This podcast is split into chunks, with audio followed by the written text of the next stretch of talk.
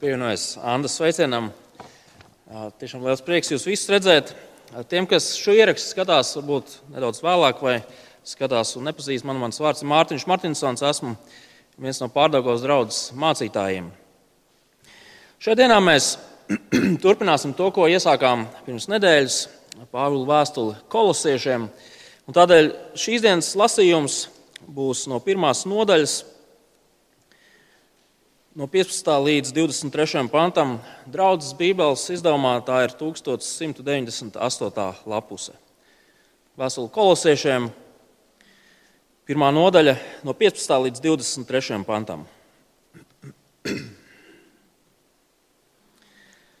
Viņš, tas ir Kristus, ir neredzamā dieva attēls, visas radības pirmzimtais. Jo caur viņu ir viss, kas radīts, gan debesīs, gan virs zemes redzamais un neredzamais. Vai tie ķēniņu troņi, valdīšanas, valdības un varas, visas lietas ir radītas caur viņu un uz viņu. Viņš ir pirms visa un viss dibināts viņā. Viņš ir savas miesas baznīcas galva. Sākums pirmzimtais no mirušajiem, lai visā viņš būtu pirmais. Jo Dievam patika, ka viņa pilnība iemājo viņā. Caur viņu Dievs ir devis izlīgumu visā, ar Kristus krusta asinīm Dievs ir ienesis mieru visā, kas uz zemes un debesīs. Arī jūs reiz bijāt Dievam atsvešināti un naidīgi noskaņoti, ļaunajos darbos iegrimuši. Bet tagad Dievs ir devis izlīgumu Kristū, caur viņa nāvi cilvēciskajā miesā, lai jūs vestu savā priekšā svētumam izredzētus, neaptraipītus un nevainojamus. Ja vien jūs paliksiet ticībā, likti uz droša pamata un neizkustinām no cerības, kas ir evaņģēlijā, ko jūs esat dzirdējuši. Tas ir pasludināts visai radībai zem debesis. Tā kunga vārds. Amen. Pirms mēs iedziļināmies šajos pantos, lūgsim, lai Dievs mums palīdz tos saprast. Dieva vārdā ir teikts, ka kunga bauslība ir pilnīga, tā atveldzē dvēseli, kunga liecība ir droša, tā vientiesi dara gudru. Dabas tā šajā pēcpusdienā mēs patiešām lūdzam pēc šīm divām lietām. Mums ir vajadzīgs veldzējums dvēselē, mums ir vajadzīga gudrība. Tēvs, esi savā garā darbīgs mūsu prātos šodien, kad tavu vārdu pārdomājam. Lūdzam, Jēzus vārdā. Amen. Par spīti tam, ka ne tikai visā pasaulē, bet arī Latvijā joprojām valda pandēmija, dažādi ierobežojumi. Jūnija sākumā mēs visi esam aicināti piedalīties pašvaldības vēlēšanās. Tas ir brīnišķīgs laiks, citam vairāk, citam mazāk. Un šajā laikā mēs visur, gan laikrakstos, gan uz ielas stūriem, redzam šīs, šos milzīgos plakātus ar sejām, dažādu politisko spēku reklāmām, kurās mēs redzam šos saukļus kas patiesībā ir tādi īsi un kodolīgi solījumi mums, vēlētājiem. Atbalsta pārmaiņas par turīgu tautu. Latvija ir un būs izdevusies valsts par cilvēcīgu valsti, nostar izdzēsējiem, par drošu un bagātu Latviju. Drošība, stabilitāte, izaugsme, iespējas, vienlīdzība, godīgums un taisnīgums. Tās tikai dažas lietas, kuras tiek solītas. Un ir apsveicama jebkāda rīcība, kas šīs, spējas, šīs lietas spēj radīt un uzturēt. Bet mēs visi zinām, cik viegli ir dot vispārīgus solījumus, pat ja tie ir īstā lieta, un cik realitātē ir grūti šos solījumus realizēt. Un nav runa par dažādiem politiskiem spēkiem. Mēs varam runāt arī paši par sevi un saviem līdzcilvēkiem. Mēs visi piekrītam, ka valsts, kurā pastāv visas šīs brīnišķīgās, solītās lietas, būtu laba vieta, kur dzīvot. Mēs visi gribētu tādā valstī dzīvot. Mēs gribam būt droši par savu nākotni, mēs gribam būt skaidrībā ar to, ka lietas ir prognozējamas, stabilas. Mēs gribam dzīvot vietā, kur ir iespējas sasniegt daudzas labas lietas. Mēs gribam izaugsmi. Bet kurš mums to visu var dot? Mūsu priekšā esošajā raksturvietā, kur pirms brīža lasījām, patiesībā visa vēstule par to liecina. Mēs redzam nelielu draugu. Kolosas pilsētā, un tā vien šķiet, ka šie jaunie kristieši saskarās ar kādu vai varbūt vairākiem cilvēkiem, kas viņiem kaut ko sola. Par dziļāku atklāsmi, par lielāku spēku, par autentisku ticību, par augstāku garīgumu. Visticamāk, šos solījumus izteica nevis kaut kādi mantrausīgi, um, negauši vai, vai šarlatāni, bet vienkārši cilvēki ar labiem nodomiem, bet tik un tā kādi, kuri nebija lietas līdz galam sapratuši. Un tas ir iemesls, kāpēc Pāvils raksta. Pāvils zina, ka šie solījumi, lai cik viņi skaisti arī neizklausītos, lai kā viņi patiesībā nerezonētu ar tām mūsu vajadzībām un ilgām, tie kolosiešiem nav derīgi. Vēl vairāk, ejot tajā virzienā, ko šie solījumi sola izpildīt, kolosieši var nonākt lielās briesmās. Kolosieši ir dzirdējuši un pieņēmuši vēstu par Kristu. Tas ir tas, ko mēs redzējām pagājušajā svētdienā Pāvila pateicības lūkšanā. Viņš ir priecīgs un pateicīgs par to, ka kolosieši ir Kristus ļaudis. Viņi ir īstie. Viņiem nekas netrūkst. Viņus raksturo ticība, cerība, mīlestība. Viņi pieder Kristum un ar to viņiem pietiek. Kolosieši kā kristiešu drošība, stabilitāte, augšana, labklājība. Kristū viņu glābējā un kungā ir pietiekama, absolūta. Kādā citā vēstulē Pāvils kristieša dzīvi tādā netiešā veidā salīdzina ar, ar mazu laiviņu, kas, kas atrodas šajā milzīgajā, bangojošajā pasaules vētrā. Un šai laiviņai ir jācīnās ar viskaut kādām lietām. Tā skaitā ar dažādām mācībām, kas nepārtraukti šo mazo laiviņu apdraud. Un skaidrs, ka tas nav viegli. Mēs visi saskaramies ar iekšējām šaubām par to, vai mēs esam pietiekami kristīgi, ja tā var teikt. Mēs saskaramies ar dažādām iekšējām šaubām par to, vai mēs esam uz pareizā ceļa, vai mēs zinām visu, ko mums vajadzētu zināt, vai mēs esam pietiekami spēcīgi. Un galu galā, kā mēs varam redzēt, vai mūsos visas šīs lietas ir? Bet mēs tikpat daudz saskaramies ar ārēju spiedienu. Un šis ārējais spiediens no vienas puses ir tāda naidīga līdzcilvēku noskaņa pret kristīgo ticību, un otrs puses šis spiediens nāk no dažādiem skolotājiem, kas mums, mums mudina klausīties viņos, jo viņi mums var sniegt kaut ko vairāk, kaut ko spēcīgāku, kaut ko drošāku. Tā tālāk un tā joprojām. Un Pāvils vēlas, lai kristieši zinātu, ka viņu, ja tā var teikt, šī laiviņa ir drošībā. Kāpēc? Tāpēc, ka tā ir drošs ēnkurs. Šis ēnkurs viņus noturēs. Kristiešiem ir drošs pamats, uz kuras stāvēt. Un Pāvils saka, ka ar Kristu pietiek. Tāpēc turpiniet stāvēt Kristū, paliekot viņa evaņģēlijā. Šīs dienas raksturvietas 23. pants. Un šajos pantos, ko mēs lasījām pirms brīža, mēs esam aicināti ieraudzīt to, kāpēc Pāvils par to ir tik pārliecināts. Šie panti runā par absolūtu, nepārspējamu Kristus pārākumu. Šis pārākums ir tik milzīgs, ka kāds autors reiz teica, ka ir grūti runāt par Kristus pārākumu cilvēciskajos vārdos. Kāpēc? Tāpēc, ka viņam, šim autoram, ir bail, ka viņš nepilnīgi ar saviem cilvēku vārdiem izteiksies par to, cik Kristus ir pārāks. Draugi, mēs neieslīgsim misticismā, un mēs joprojām izmantosim vārdus, lai runātu par Kristus pārākumu, jo Pāvils to šīs dienas raksturvietā dara. Bet jūs saprotat šo domu. Pāvils vēlas, lai kristiešiem, domājot par Kristu, aizrautos elpa. Katram ir kaut kāda stihija, kas liek elpu aizrauties. Man tie ir kalni un jūras plašumi. Iespējams, tas ir lielākai daļai šeit sēdošo, bet tās ir lietas, kuru priekšā es stāvu un man nav ko teikt. Un Pāvils vēlas parādīt, ka Kristus ir daudz pārāks par visu šo. Kad mēs domājam par Kristu kā kristieši, Mums vajadzētu aizrauties elpai.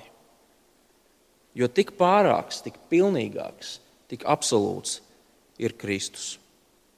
Un Pāvils šīs dienas raksturvietu sāk ar, ar vārdiem, kas apliecina to, ka Kristus pārākums ir redzams radīšanā, radībā. Vēlreiz izlasīsim no 15. līdz 17. pantam. Viņš ir neredzamā dieva attēls, visas radības pirmdzimtais, jo caur viņu ir viss, kas radīts gan debesīs, gan virs zemes, redzamais un neredzamais. Vai tie ķēniņi, troņi, valdīšanas, valdības un varas, visas lietas ir radītas caur viņu un uz viņu. Viņš ir pirms visa, un viss ir dibināts viņā. Šajos pantos skatoties, iespējams, mums pirms vajadzētu tikt galā ar skaidrībā ar diviem terminiem, kas šeit pašā sākumā ir redzami. Pirmkārt, Jēzus kā visa, kā, kā neredzamā dieva attēls. Redziet, Kristus nākdams šajā pasaulē cilvēka veidolā ir atklājis pašu Dievu. Visa Jēzus dzīve, mācība, brīnuma, vispārējais, ko viņš ir darījis, ir bijusi kā tāda milzīga staigājoša dieva atklāsme. Pats Dievs ir ienācis konkrētā vēstures brīdī šajā pasaulē, cilvēka veidolā, un skatoties uz viņu, cilvēkiem bija brīnišķīga, unikāla iespēja ieraudzīt to, kāds ir Dievs. Otra lieta, otrs termins - radības pirmdzimtais. Un arī par šo ir jātiek skaidrībā, jo baznīcas vēsturē ir bijušas daudz un dažādas kustības, kas šo pantu ir izmantojuši, lai pateiktu, redzi, Jēzus īstenībā ir radīts. Viņš nav Dievs. Nu, jā, varbūt tās viņš ir piedalījies radīšanā. Dievs viņu radīja pirmo, un pēc tam Jēzus radīja visu pārējo. Mūsdienās Jehovas liecinieki sludina šādu vēsti. Bet tas nav tas, ko Pāvils saprot ar šo frāzi. Un arī konteksts mums neļauj tā domāt. Pāvils ļoti skaidri runā par to, ka Kristus ir radītājs. Dievs neradīja Kristu, caur kuru pēc tam radās viss pārējais. Kāpēc? Tāpēc, ka vārds pirmdzimtais šajā brīdī nozīmē kaut ko citu. Šim vārdam ir vairāk lietojumu, un šajā brīdī šis vārds tiek lietots ar nozīmi, ka Kristus ir visas radības mantinieks. Viņš ir īpašnieks visai radībai. Viss pieder viņam. Un kādu dienu visa radība pilnā mērā redzēs to, ka viss pieder viņam. Viņš ir galvenais. Un tā Pāvils saka, ka Kristus ir visas radības autors. Viņš ir radījis pilnīgi visu, gan redzamo, gan neredzamo. Un viss pieder viņam. Mēs pirms pāris dienām ar bērniem Bijām izbraukuši no Rīgas. Bija vēl, vēls vakars. Nebija tik vēls, bet bija tumšs. Un ārpus Rīgas viena lieta, ko mēs varam uzreiz redzēt, ir zvaigznes. Mēs skatāmies uz zvaigznēs. Mums jāsaprot, to visu ir radījis Kristus. Saule, polāra zvaigzne, Mars, Merkurs, visas pārējās planētas. Tas radīs Kristus. Zvaigžņu miljardi un galaktikas, kas ir bezgalīgi tālu. Tās visas ir Kristus veidotas. Nākamreiz, kad dodaties pārgājienos, pievēršat īpašu uzmanību kokiem, krūmiem, ja ir puķis, puķiem, zālei, putniem, dzīvniekiem, kukaiņiem, pat odiem. Tas viss ir Kristus radīts. Vējš, sniegs, lietus, ziemeļblāzma, visas pārējās parādības, kuras mēs šajā pasaulē varam novērot, Kristus ir šo lietu autors.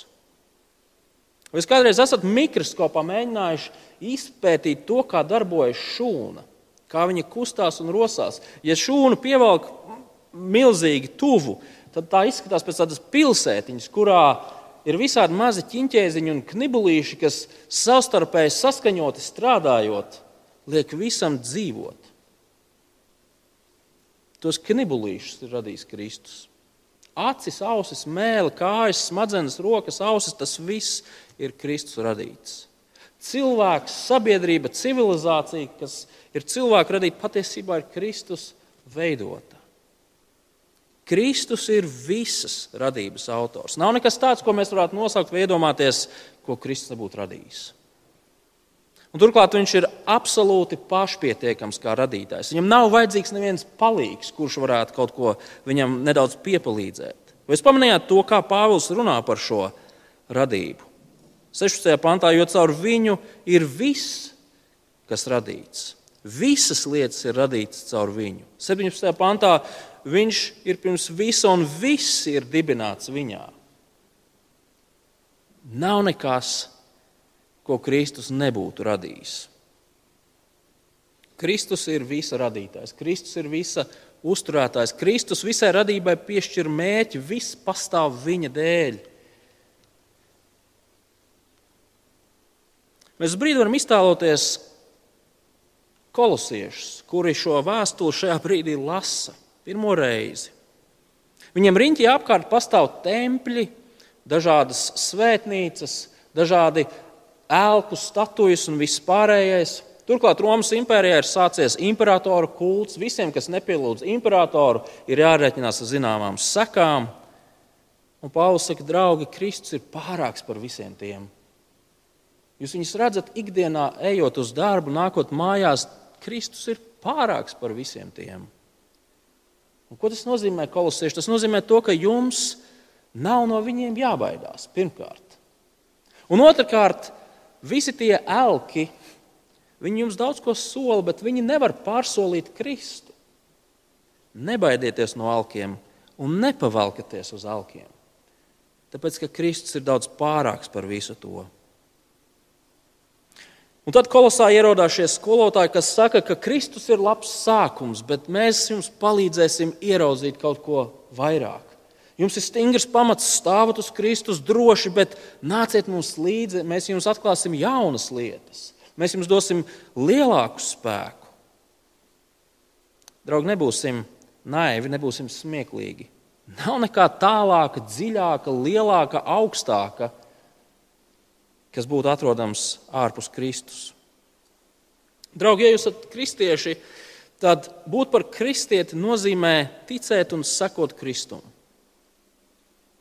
Bet šīs dienas raksturvieta grib, lai mēs ieraugam kādam Kristum. Lūk, kādam Kristum mēs sekojam. Skatieties uz viņu, domājiet par viņu, lai mūsu elpa aizraujās, domājot par to, kāds ir šis Kristus, kuram mēs sekojam. Viņš nav viens starp daudziem. Viņš nav kaut kāds nenozīmīgs spēlētājs daudzu spēlētāju vidū. Viņš ir visa radītājs, viņš ir noteicējis, viņš ir galvenais, viņš ir absolūti pārāks par visu. Cilvēkiem, kas sevi nesauc par kristiešiem, šie panti māca ļoti nepārprotamu lietu. Mums ir jāizmet miskastē viss tas, ko jūs paši savā galvā esat iztēlojušies par to, kas Kristus tāds ir. Kristus nav vienkārši skolotājs, Kristus nav vienkārši piemērs, Kristus nav vienkārši labs cilvēks, kurš darīja labus darbus. Kristus ir kaut kas daudz lielāks. Kristieši seko kaut kam daudz, daudz, daudz pārākam. Un tādēļ ir vērts iedziļināties tajā, kas Jēzus tāds ir, ko viņš māca. Kristus ir pārāks par visiem, jo viņš ir visa radītājs, visa uzturētājs, visa īpašnieks, galvenais. Nekas nav šajā pasaulē, kas nebūtu radies caur viņu. Un šajā brīdī, protams, kāds var teikt, kā tad ir ar realitāti? kā ir to realitāte, kurā mēs dzīvojam? Un vai tad iepriekš 13. pantā, 1. nodaļā, nav runa par, par tumsu, kas valda šajā pasaulē, par grēku, par nāvi. Kā tad ir ar šīm lietām, ar to realitāti? Vai tas gadījumā neiet pretrunā ar šo Kristus vareno pārākumu? Un Pāvils atbild uz šo jautājumu, turpinot, ja tā var teikt, dziedāt slavas dziesmu par Kristus pārākumu. Jo redzēt, Kristus Pārākums izpaužās ne tikai radīšanā, bet arī jaunradīšanā. Ne tikai šajā pasaules radībā, bet arī jaunajā radībā. Skatieties no 18. panta. Viņš ir savas miesas baznīcas galva, sākums pirmzimtais no mirušajiem, lai visā viņš būtu pirmais. Jo dievam lapa tika, ka visa pilnība iemājo viņā. Ar viņu Dievs ir devis izlīgumu visā ar Kristus krusta asinīm. Dievs ir ienesis mieru visā, kas ir uz zemes un debesīs. Draugi, piekritīsiet, ka pasaules vēsturē ir šie daži milzīgie notikumi, kas ir ietekmējuši visu pasaules uh, vēstures gaitu. Pie šiem lielajiem notikumiem vēsturnieki min daudzas lietas, tā skaitā Romas impērijas sabrukumu, reformāciju, industriālo revolūciju, Pirmo, Otro pasaules karu un vēl kādas citas lietas. Taču šajos pantos mēs redzam notikumu, kas pārspēj tos visus. Skatieties, Kristus ir pirmzimtais no mirušajiem. Kristus savu pārākumu demonstrē ne tikai radībā, bet arī augšām ceļoties no mirušajiem. Tādēļ viņš ne tikai parāda to, ka ir spējīgs uzvarēt nāvi, bet arī to, ka no šī brīža iesākas kaut kas jauns. Jauns laikmets, ko raksturos jauna kārtība, jauna dzīvība. Un Kristus miesa, jeb baznīca, 18. pantā, ir šīs jaunās radības lielais auglis, ja tā var teikt. Tas ir tas, kur mēs varam redzēt to jauno darbu, ko Kristus savā spēkā veids. Jā, protams, šajā pasaulē mēs visi saskaramies ar tumsu, ar grēku, ar nāvi. Taču Kristus ar savu augšām celšanos skaidri parāda to, ka viņš ir pārāks par to visu. Viņš ir nācis, lai radītu kaut ko jaunu, kaut ko pārsteidzošu, kaut ko tādu, kur vairs nebūs tumsa, kur vairs nebūs grēki, kur vairs nebūs nāves. Kristus visu pārvalda, viņš visu pārrada. Viņš pārrada cilvēci. Jau iepriekšējā svētdienā, 13. un 14. pantā, mēs lasījām to, kā Dievs Tēvs caur savu dēlu, caur Kristu, cilvēkus izrauj no tumsas kā viņš viņus, viņu grēkus piedod, kā viņš viņus izglābj. Tas ir šis jaunradīšanas darbs, ko Kristus veids. Kristus kā pirmzimtais no mirušajiem nozīmē ne tikai to, kā jūs teicat, ka viņš ir pirmais, kurš pārvarēja nāves robežu, bet viņš ir dzīvības autors. Visi tie, kas atrodas Kristū, var būt droši, ka viņi dalīs šo pašu dzīvību ar Kristu. Protams, tas nākamais lielais jautājums ir, nu, kādā veidā tad Kristus to visu izdara? Kā viņš veic šo pārradīšanas, jaunradīšanas darbu? Un Pāvils saka, dāvājot izlīgumu. Skatieties vēlreiz 20. pantā. Caur viņu Dievs ir devis izlīgumu visā. Ar Kristus krusta asinīm Dievs ir ienesis mieru visā, kas ir uz zemes un debesīs. Šajā pasaulē, kurā valda tumsa, grēks, jā, arī nāve. Starp dievu un cilvēkiem pastāv karš. Cilvēks ir sacēlies pret dievu, mēs to visi zinām. Cilvēks nevēlas atzīt dievu, cilvēks vēlas dzīvot pēc sava prāta, cilvēks nevēlas paklausīt dievam, ticēt viņam. Un beig beigās cilvēks arī dabū saskaņā ar savām vēlmēm. Viņš saņem taisnīgu sodu no dieva. Bet Kristus ar savu nāvi pie krusta dāvā izlīgumu. Viņa krusta nāve ir šī taisnīgā maksa, kas tiek samaksāta par dumpiniekiem, lai viņiem varētu būt grēku piedošana, miers ar Dievu, atjaunotas attiecības. Viņu parāds varētu tikt atdots. Un ievarot, ka šis izlīgums ir Dieva, nevis cilvēku darbs. Dievs ir tas, kurš meklē cilvēkus. Dievs ir tas, kurš kurš sameklē katru no mums savos grēkos. Mēs neko tajā visā nedarām. Otrkārt, šis izlīgums ir iespējams tikai un vienīgi caur Kristus krusta nāvi. Nav cita ceļa iegūt izlīgumu ar Dievu. Un visbeidzot, vai jūs pamanījāt to, cik visaptvarošs ir šis izlīgums, ko Kristus krusta nāve dāvā? Izlīgums visā, miers visā, kas uz debesīm Eh, kas uz zemes un debesīs. Kristus nav un augšām celšanās nav tikai labas ziņas mums, kas, kas šeit sēžam vai klausamies šī, šo ierakstu un ticam Kristum. Nē, tās ir labas ziņas visai radībai. Tas ir labas ziņas visam, kas pastāv. Pāvils vēlas, lai mēs tik skaidri ieraugam to, cik kosmiska mēroga notikums ir Kristus krusta nāve. Šis izlīgums, ko viņš dāvā, tas skar visu dzīvo, visu redzamo un neredzamo. un ikvienu cilvēku, kurš uzticas Kristus krusta nāvei. Draugi, mēs jau atkal šajos vārdos esam aicināti pārdomāt to, nu kas tad ir tā galva, kuras miesa mēs visi esam. Ko mēs par viņu domājam? Kas ir Kristus, kura, kur, kuram mēs apliecinām ticību ik reizi, kad mēs skaitām apstūt ticības apliecību? Kas tad ir tas Kristus, kuram mēs sakojam, kad mēs citiem sakām, ka mēs esam kristieši? Nu, kāds viņš ir, draugi? Vai mēs redzam viņa pārākumu? Vai mēs redzam viņa darba pabeigtību, pietiekamību, plašumu? Vai viņš liek mūsu elpai aizrauties?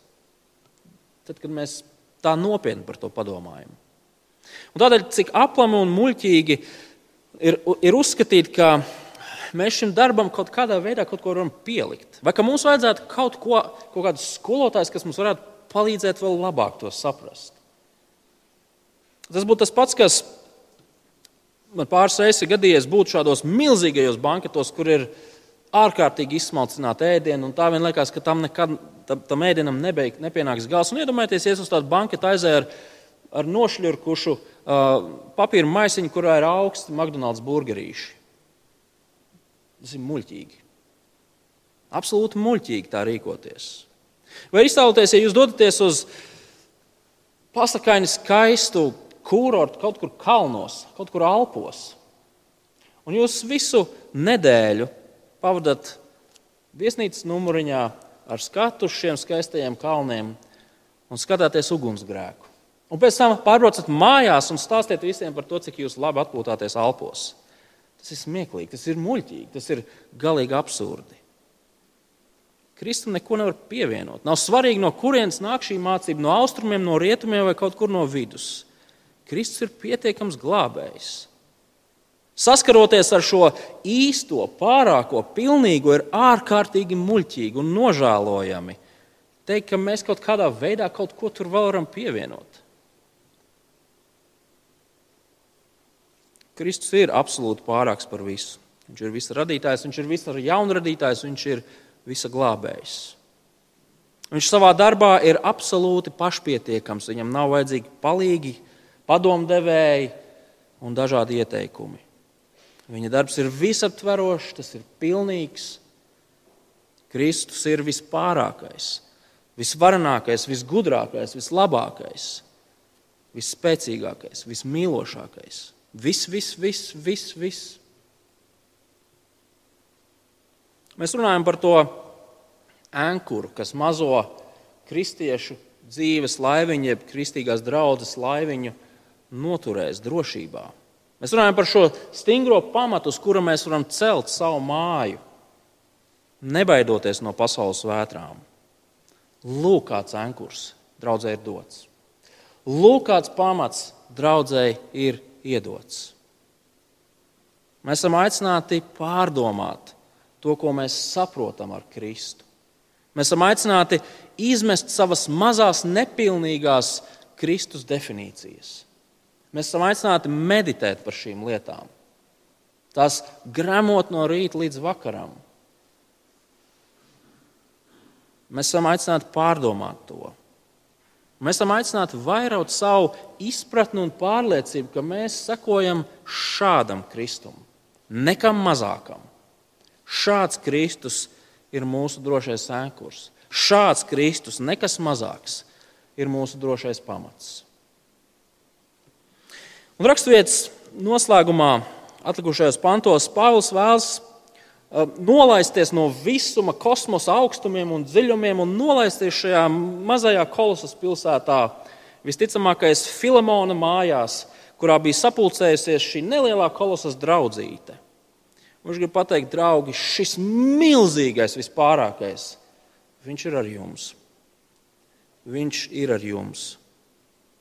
Jūs varat būt par to droši. Palieciet viņā. droši stāviet šī Kristus evaņģēlijā. Droši palieciet šī Kristus ticībā. Un no 21. līdz 23. pantam rakstīts izskaņā, mēs redzam to, kā Pāvils kolosiešiem pavisam garām ejot, atgādina to, kāda viņi reiz bija. Kas viņi ir tagad? Un kas galu galā viņiem tagad ir jādara? Izlasīsim šos trīs pāntus. Arī jūs reiz bijāt dievam atsvešināti un naidīgi noskaņoti, ļaunajos darbos iestiguši, bet tagad Dievs ir devis izlīgumu Kristū caur viņa nāvi cilvēciskajā miesā, lai jūs vestu savā priekšā svētumā izredzētus, neaptraipītus un nevainojamus, ja vien jūs paliksiet ticībā, likt uz droša pamata un neizkustināmi no cerības, kas ir evaņģēlijā, ko jūs esat dzirdējuši. Tas ir pasludināts visai radībai zem debesis. Jūs pamanījāt, 21. pāns runā par to, kāda kolosiešais bija. Viņi piederēja šai tumsas valstībai, ko viņš jau minēja 13. pantā. Viņi bija atsvešināti no Dieva. Dievam ar viņiem nebija nekāda sakara. Viņi bija sacēlušies pret Dievu. Viņiem nebija daļas pie šīs jaunās radības, ko Kristus īstenot. Viņi nebija neitrāli un pasīvi, kā mēs reizēm saucam neticīgus cilvēkus. Nē, viņi savā sirdī bija naidīgi pret Dievu. Viņi bija noslēdz uz ļauniem darbiem. Tas nenozīmē, ka neticīgi cilvēki tikai un vienīgi dara ļaunus darbus, bet attiecībās uz Dievu viņi ir noslēdz uz neticību, nepaklausību. Un tas ir ļaunums. Un šis pāns raksturoja ikvienu cilvēku, kurš šajā pasaulē ienākt dzemdību namā vai jebkur citur, ar pirmo elpas brēcienu pasaulē ienāk šāds cilvēks. 21. panta cilvēks. Bet tagad skatieties 22. pantā, kur mēs redzam 180 grādu pagriezienu. Lielais izlīguma darbs, ko paveic Kristus, attiecas uz šādiem 21. panta cilvēkiem. Kristus pārākums radībā un jauradīšanā ir kaut kas tāds, kas attiecas uz šiem cilvēkiem. Un kolosieši ir viņu vidū, un mēs esam viņu vidū. Caur Kristus izlīgumu kolosiešiem un arī mums ir sarūpēts izlīgums ar Dievu, miers. Un caur to izmainās mūsu status, Nevis atsvešināti no dieva, bet dieva ļaudis. Nevis tādi, kas ir dievam parādā kaut ko, bet tādi, kur parāds ir atdots. Es pirms pāris dienām paskatījos, nu, cik liels ir mūsu valsts ārējais parāds. Tur bija grūti atrast precīzi skaitli, bet apmēram 12 miljardi. Man liekas, ārprātīga summa, un es nezinu, cik ātri mēs kaut ko tādu vispār varam atdot. Bet Kristu kristietim ir radots pilnīgi viss parāds. Viņš nekāpēji nav parādā dievam. Tik pilnīgs un nevainojams ir izlīgums. Un šī parāda atdošana ir mainījusi cilvēka statusu, kā jau es teicu. Šajā brīdī Dievs raugoties uz izglābto cilvēku, kurš ir satvērs Kristus krusta nozīmi, viņš saka, tu esi pilnīgs, tu esi svēts, tu esi nevainojams jau tagad. Manā priekšā tu esi attaisnots jau tagad. Šis brīnišķīgais pāns attiecas uz mums, uz ikvienu, kas šeit sēž, kas var apliecināt, ka Kristus ir šis varenais, izlīguma nesējs. Mēs tiekam pasludināti par attaisnotiem.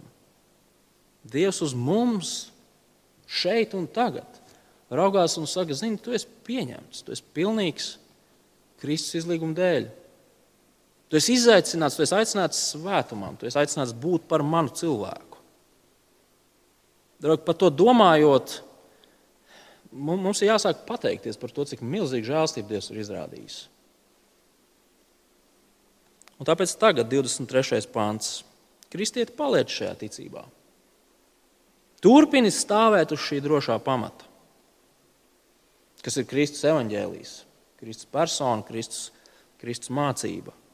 Esi neizkustināms tajā cerībā, kas mums ir Kristū. Nesnaigsties un negrozies un nedīdies, mēģinot atrast kaut ko, kaut ko vairāk, kaut ko interesantāku, kaut ko dziļāku, kaut ko, kas tev varētu pacelt augstākos um, emocionālos nezinu, līmeņos un garīguma līmeņos. Nekā cita nav. Mēs, protams, varam mēģināt kaut ko atrast, bet mēs būsim muļķi, ja mēs to darīsim.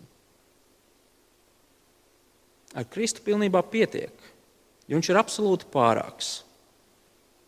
Angļu mācītājs Diks Lūkas, domājot par šiem pantiem, reiz teica, ka draudzene savu prātu un sirdi novērš no Kristus un viņa vārdu. Šo tukšumu aizpilda cilvēku autoritāte un cilvēku tradīcijas. Citādi beigas. Un mēs ļoti labi zinām to, ka cilvēku autoritāte un cilvēku tradīcijas nestrādā. Tās daudz ko sola, bet tās nedod to, ko var dot tikai Kristus. Tad nu, turpināsim stāvēt šajā ticībā. Turpināsim būtu neizkustināmi savā cerībā. Turēsimies pie Kristus evaņģēlī, tam neko nepieliksim, tam neko neatņemsim. Tas ir pilnīgs. Tāpēc, ka Kristus ir pilnīgi pārāks par visu. Gan tajā, ko viņš rada, gan tajā, kā viņš ir jaunrada. Drošība, stabilitāte, noturība, augšana ir rodama tikai Kristū. Viņš ir visu lietu autors, visu lietu uzturētājs, visu lietu līdz galam novedējis. Paliksim tur, kur ir viņš. Nemeklēsim neko jaunu.